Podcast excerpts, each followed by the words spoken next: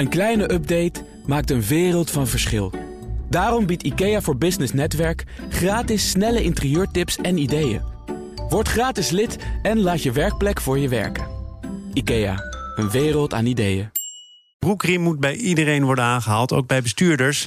Loonoffers zouden op hun plaats zijn, zegt Eumedion, de koepel van de institutionele beleggers. Dat en meer bespreek ik in het boardroompanel. En daar zit vandaag Harmjan de Kluiver, advocaat bij de Brouw Blackstone Westbroek, hoogleraar ondernemingsrecht aan de Universiteit van Amsterdam, Amsterdam en verbonden aan de Vereniging Effecten Uitgevende Ondernemingen.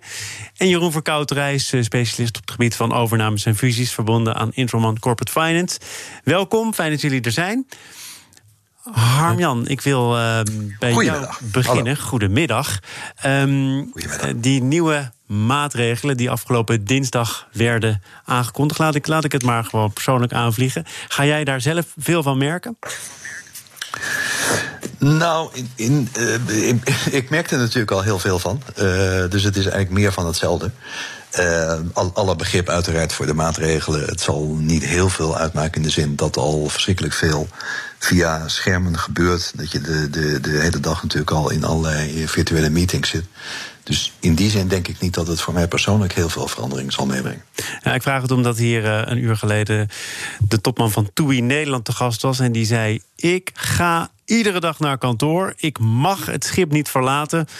En in het tweede deel van zijn antwoord zei hij ook: uh, Ja, thuiswerken, dat kan ik gewoon niet. uh, zo iemand nee, zou jij ook kunnen zijn. Ook. Ja, dat, dat, dat begrijp ik ook. Maar ik, ik verkeer in de omstandigheden dat uh, heel veel via, via schermen kan. Dus er zijn wel live meetings, maar dat is toch heel beperkt. Uh, en het, het, blijkt in de praktijk dat je heel veel via uh, die, die schermmeetingen kan doen. Dat is me eerlijk gezegd ook niet tegengevallen het afgelopen half jaar. Jeroen, um, ja. jij bent uh, iemand die corona heeft gehad. Ja, klopt. Uh, maand in quarantaine gezeten. Ja.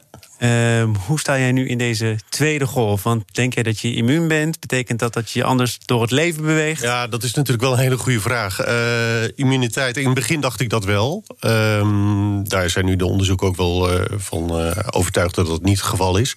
Alleen, ik zit daar wel iets anders in de wedstrijd. Dat komt omdat ik... Ik heb inderdaad een maand in quarantaine gezeten. Ik ben ziek geweest, maar niet extreem ziek. Uh, ik moest ook niet uh, het ziekenhuis in of wat dan ook. En uh, lichte koorts, niet hele hoge koorts.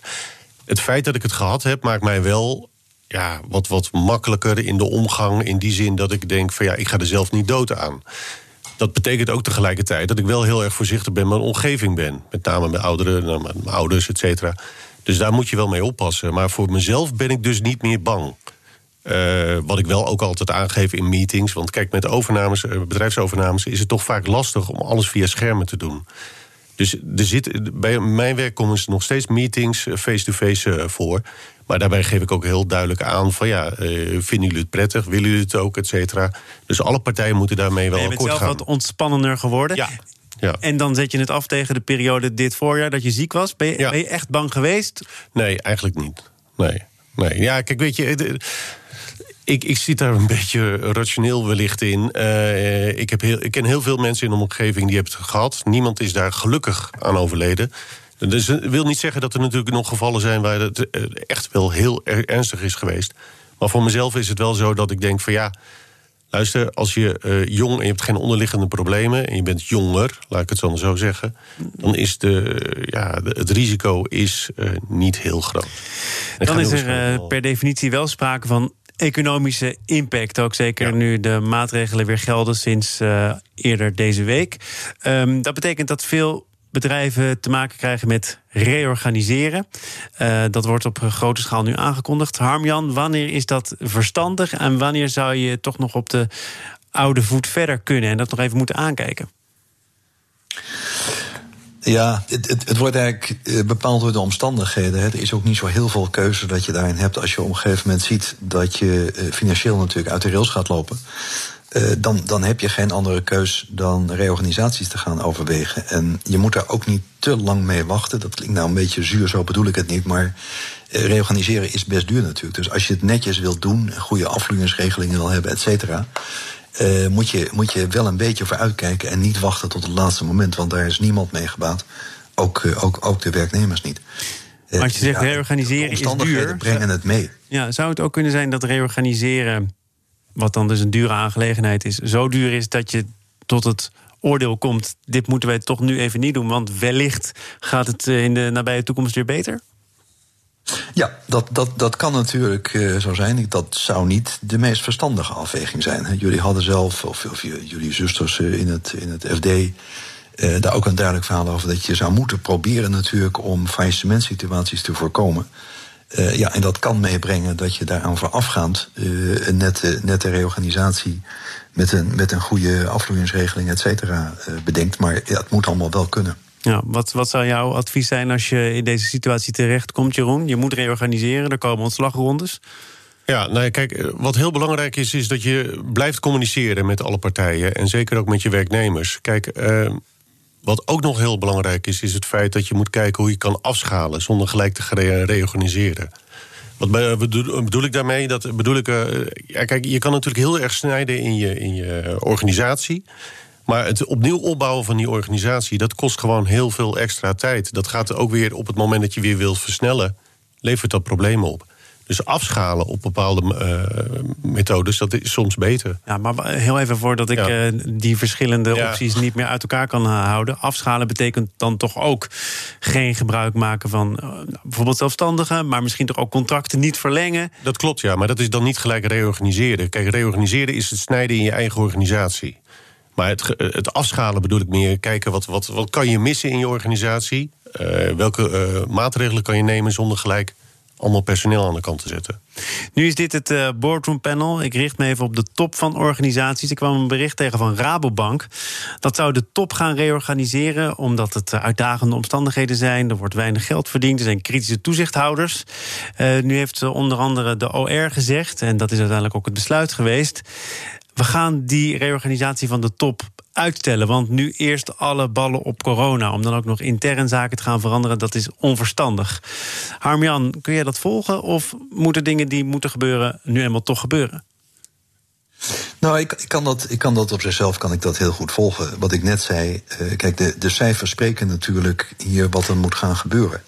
Als je de ruimte hebt om keuzes te maken, uh, ja, dan, dan is het natuurlijk op zichzelf heel begrijpelijk dat je zegt, nou laten we dat nu even niet doen. En, en inderdaad ons maximaal inspannen om de zaak draaiende te houden en corona te overleven. Maar je moet het wel kunnen overleven. Als je als organisatie ziet, ja, dit gaan we gewoon financieel niet nog een half jaar redden. Uh, dan, dan heb je niet die mogelijkheid die, uh, die de Rabo blijkbaar wel heeft. Ja, nu ja, daar ben ik volledig mee eens, ja. Ja, klopt. Nou, Jeroen, ik wilde je ook wat anders vragen over sorry. banken. In het algemeen. Nee, nee, want de Nederlandse Vereniging van Banken heeft uh, gisteren kenbaar gemaakt dat het uh, wat minder ruimhartig en barmhartig wordt. Ja. Als het gaat over uh, bijvoorbeeld het bieden van uitstelmogelijkheden, adempauzes, aflossingspauzes. Um, ja, daar moet nu toch, nu het uh, voor de tweede keer aan de orde is, wat kritisch naar gekeken worden. Uh, begrijp jij dat? Nee, uh, in alle eerlijkheid niet. Kijk, um, het probleem is met banken geweest dat uh, in mijn visie, in mijn uh, ervaring is het zo geweest dat banken in maart gelijk hebben geroepen: ja, we gaan er alles aan doen om onze klanten te helpen, ons be bedrijfsleven te helpen, et cetera, et cetera. Uiteindelijk zijn die maatregelen allemaal neergekomen op. We gaan onze aflossingen een tijdje uitstellen. We gaan zorgen dat de financieringen een tijdje doorlopen. zonder dat we allemaal zware eisen aan, aan partijen stellen. En nu zeggen ze van ja, dat gaan we niet doen. Dat betekent dus dat de Niet nog een keer doen. Niet nog een keer doen. Maar goed, dat hebben ze gedaan. Maar ze hebben verder geen maatregelen genomen toen het tijd in maart. Dat is eigenlijk de enige wat banken hebben gedaan. En dat is natuurlijk wel te prijzen aan de ene kant. Aan de andere kant, ja, je had veel meer kunnen doen als bank. En dat is uh, een beetje nagelaten. Noem, noem eens wat dan, wat hadden ze nieuwe, nieuwe financieringen aangaan. Zorgen dat bedrijven kunnen investeren. Of dat bijvoorbeeld zo'n reorganisatieplan waar we het net over hadden. Als dat kan gefinancierd kan worden door een bank bijvoorbeeld. Die kan zeggen, ja, je, je, je perspectief van een bedrijf is goed. Kijk naar de evenementenbranche. Uh, heel veel bedrijven daarin hebben intrinsiek... is de business case niet slecht. Maar door deze omstandigheden wel. Dan kan je ook zeggen als bank, nou wij geloven in het bedrijf. We geloven dat het bedrijf over vijf jaar weer goed winstgevend is, et cetera. Wij gaan zorgen dat het bedrijf die periode kan overbruggen. Maar je moet wel steeds verder in de toekomst kijken. Ja, nee, maar het, het, is, het, is, voor, maar voor de evenementenbranche, voor de horeca, is verslechterd. Ja, dat klopt ook. En ik zeg ook niet dat het makkelijk is. Maar ik zeg wel, de banken hebben gezegd... ja, we gaan een half jaar de, de aflossingen uh, stoppen... En na die half jaar gaan we dan wel weer kijken. Nu zeggen ze dus, dit half jaar is min of meer voorbij... zeggen ze, dat gaan we niet nog een keer doen. Dat betekent dus dat de werkkapitaal, zeg maar, de, de, de mogelijkheden van de, van de bedrijven de komende half jaar gaan verslechteren. ik denk ook dus dat er best wel wat faillissementen gaan komen. Nou, Chris Buijing, voorzitter van de NVB, zegt... het is in geen enkel belang, ook niet voor banken, niet voor ondernemers, om dieper schulden aan te gaan. Als je zeker weet dat je echt uh, pas over een hele lange tijd die schulden kunt af gaan lossen. Ja, maar het, Daar valt maar, toch eigenlijk niet zo heel veel tegen in te Nee, maar die, die schulden zijn al aangegaan voor corona. Dus, dus stel dat een bedrijf heeft, ik, ik noem maar wat, uh, 50 miljoen schuld uh, eind 2019. De banken hebben nu, ze moeten 5 miljoen per jaar aflossen, ik noem maar wat. Uh, de banken hebben gezegd, je voorlopig moet je even niet aflossen. En nu zeggen ze, we gaan wel weer aflossen. Bedrijven zitten nog in dezelfde problematiek. Dus dat betekent dus dat de cashflow van het bedrijf niet naar uh, bijvoorbeeld een reorganisatie gaat of naar andere afschalen van, uh, van, van, van, mogelijkheden, maar naar, het, naar de financier toe.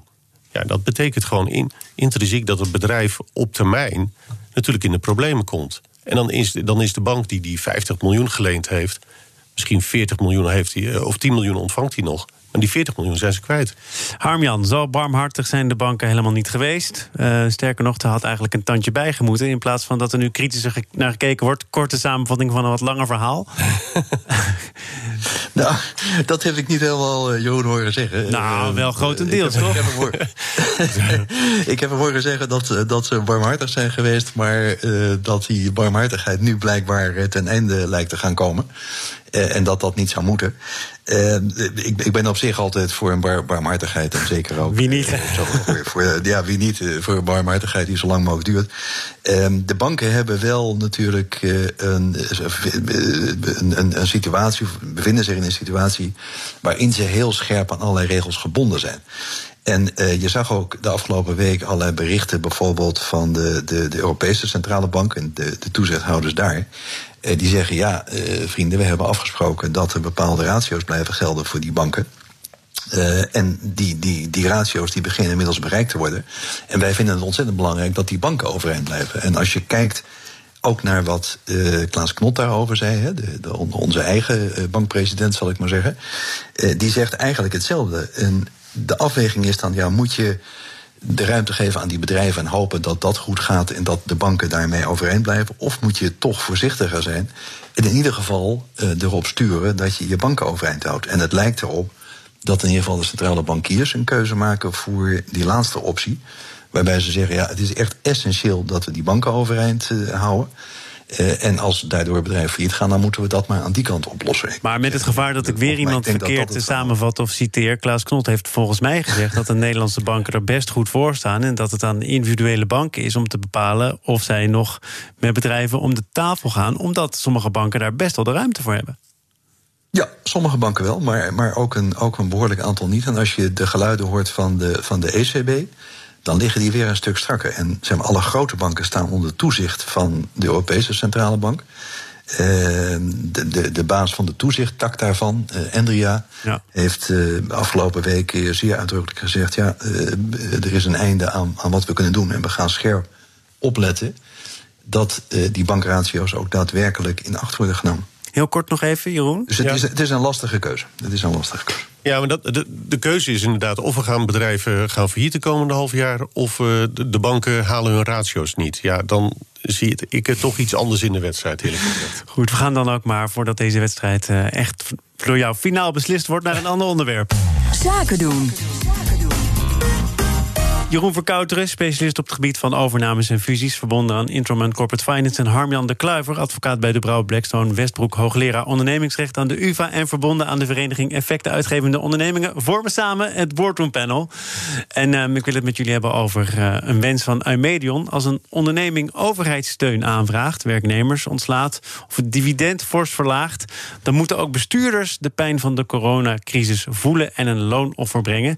Dat zijn althans uh, de wensen van Hij is eh, directeur van de beleggerskoepel Eumedion. En hij zei daar op BNR gisteren het volgende over. Wij denken toch aan forse verlagingen van de jaarbonussen. Of uh, toch wel forse uh, verlagingen tijdelijk dan van de vaste salarissen. En we hebben al gezien dat een aantal ondernemingen 20 tot 50 procent verlaging van het vaste salaris tijdelijk hebben doorgevoerd. Dit staat in een speerpuntenbrief die Eumedion ieder jaar opstelt. En dit is dus iets wat die beleggerskoppel belangrijk vindt. Harmjan, vind jij het ook belangrijk?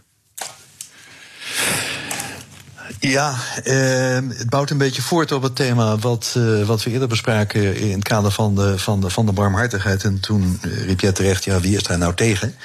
Uh, dat geldt natuurlijk hier ook. Dat je zegt, salarisverlagingen, wie is daar nou tegen? daar is natuurlijk niemand tegen.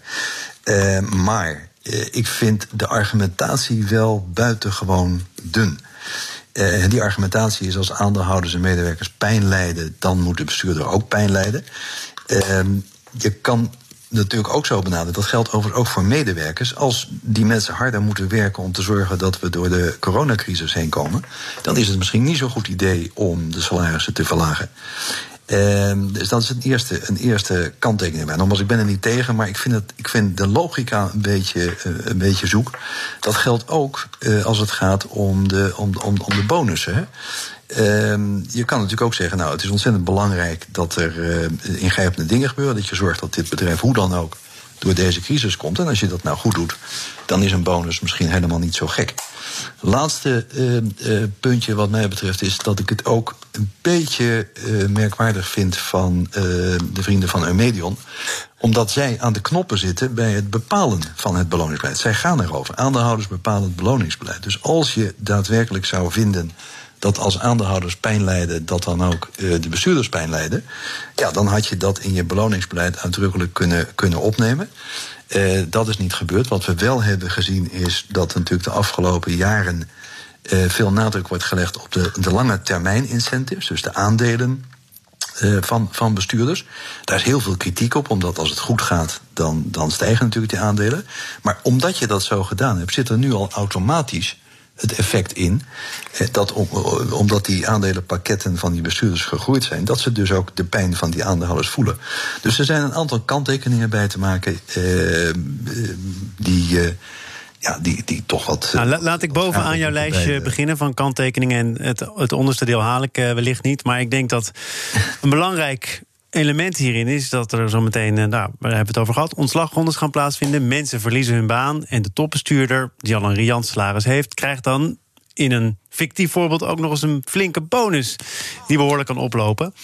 Um, dat mag dan populistisch klinken, maar dat is wel lastig uit te leggen, toch? Of vind jij van niet? Dat, dat is ook lastig uit te leggen. Uh, maar ik, ik, ik, ik, heb mijn, ik heb mijn best gedaan. Uh, maar jij vindt dus dat je het wel kunt uitleggen. ook, ook, nee, het... ook een goede reorganisatie uh, kan aangeven dat een topbestuurder het uitstekend heeft gedaan. En daar hoort dan ook nog weer een extra beloning bij. Nou, dat, dat, dat kan een overweging zijn. Als je zegt, we hebben die, die bonus om de juiste incentives te geven... dan zou je die daarop kunnen, kunnen richten. En nogmaals, ik, ik betrek het ook op andere medewerkers. Hè? Want het idee dat je uh, uh, op de salarissen van medewerkers zou moeten bezuinigen... spreekt mij ook helemaal niet, uh, niet, niet aan, eerlijk gezegd. Nee, maar dat, dat... Dus ik, ik denk dat je daar heel voorzichtig mee zou, zou, zou kunnen zijn. Waarbij ik onmiddellijk ook zie natuurlijk dat... Uh, ja, het, het, het, het, het klinkt niet goed om te zeggen. Eh, je houdt je salaris en je krijgt ook een bonus bij. Dat snap ik allemaal. Maar ik vind de, de onderliggende logica niet zo sterk. Nou, ik, ik ben het daar niet helemaal mee eens. Kijk, uh, een bestuurder is uiteindelijk ook gewoon een werknemer van het bedrijf. Dus op het moment dat je iets vraagt aan werknemers, een loonoffer of op een andere manier, dan kan je dat hetzelfde ook aan de bestuurder vragen. Dus ik zie daar ja, ik, ik, ik, zou, geen verschil tussen.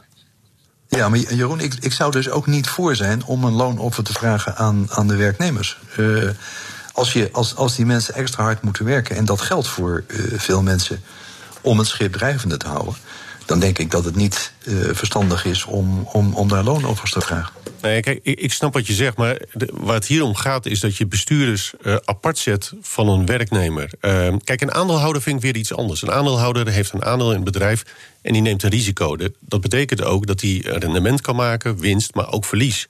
Dat is een bewuste keuze. Dus ik vind ook dat aandeelhouders ja, en werknemers toch twee verschillende grootheden zijn. Maar werknemers onderling, of dat nou een bestuurder is... of dat de jongste bediener, om het maar zo, zo uit te drukken... die zitten op hetzelfde vlak. En dat betekent dus op het moment... en, en dan is de vraag, moet je een loonoffer vragen? Maar als dat in een organisatie wordt gevraagd... of dat er bepaalde regelingen worden getroffen... Uh, ja, dan, dan, en dat is vaak ook tijdelijk... dan moet je dat ook aan de bestuurder vragen. Ja, en daar ben ik het helemaal mee eens. Oh, dus jullie zijn het. Oh, dat gaat ook snel. nou, nee, als, als, je, als je een loonoffer vraagt aan, aan de mensen, daar zitten overigens allerlei haken en ogen aan. Maar goed, uh, als je dat doet, dan moet dat uiteraard ook gelden voor, voor, voor, de, voor de, de mensen aan, aan de top van de organisatie. Maar ik zou daar dus niet een geweldig voorstander van zijn. je hebt juist alle mensen nodig om hard te werken om door die crisis heen te komen. En dan vind ik het niet de juiste incentive om te denken aan, aan, aan loonmatigingen, waarbij bij een bestuurder best allemaal een slagje anders ligt. En, en, en ja, dat, dat, dat publicitair natuurlijk uh, minder goed uit. Maar het is toch vooral PR en, en dus het neigt een beetje naar populisme, begrijp ik, in jouw optiek. Nou ja, ik heb aangegeven. Met vrienden van de media logica niet zo zie, aan te dus halen. Dat, uh, ja, men, zeker, zeker, zeker. Mijn, mijn zeer gewaardeerde vrienden. Dat is ja. absoluut. absoluut. Hey, en, en, ik, ik, ik, ik, begrijp de argumentatie, maar de, de, je mag ook aandacht vragen. Dat, dat, dat wordt nog wel eens uh, vergeten, vind ik, voor de onderliggende logica. En die vind ik niet zeker. Ja. Om, om het uh, rond te maken, we begonnen met reorganisatie, nu over beloningen in de top. Um, als je bestuurder bent, dan moet er natuurlijk wel wat te besturen zijn. En als je met minder mensen overblijft, um, hoe vaak is dan de overweging om ook het managementteam in te perken? Nou, een aantal bestuurders terug te brengen? Nou, hadden we het net ook even over. Uh, ja, ik geloof ook wel dat op het moment dat. Uh, kijk, het is belangrijk ook in een crisistijd dat je genoeg uh, ervaren management hebt om uh, zo'n crisis de hoofd kan te, te bieden.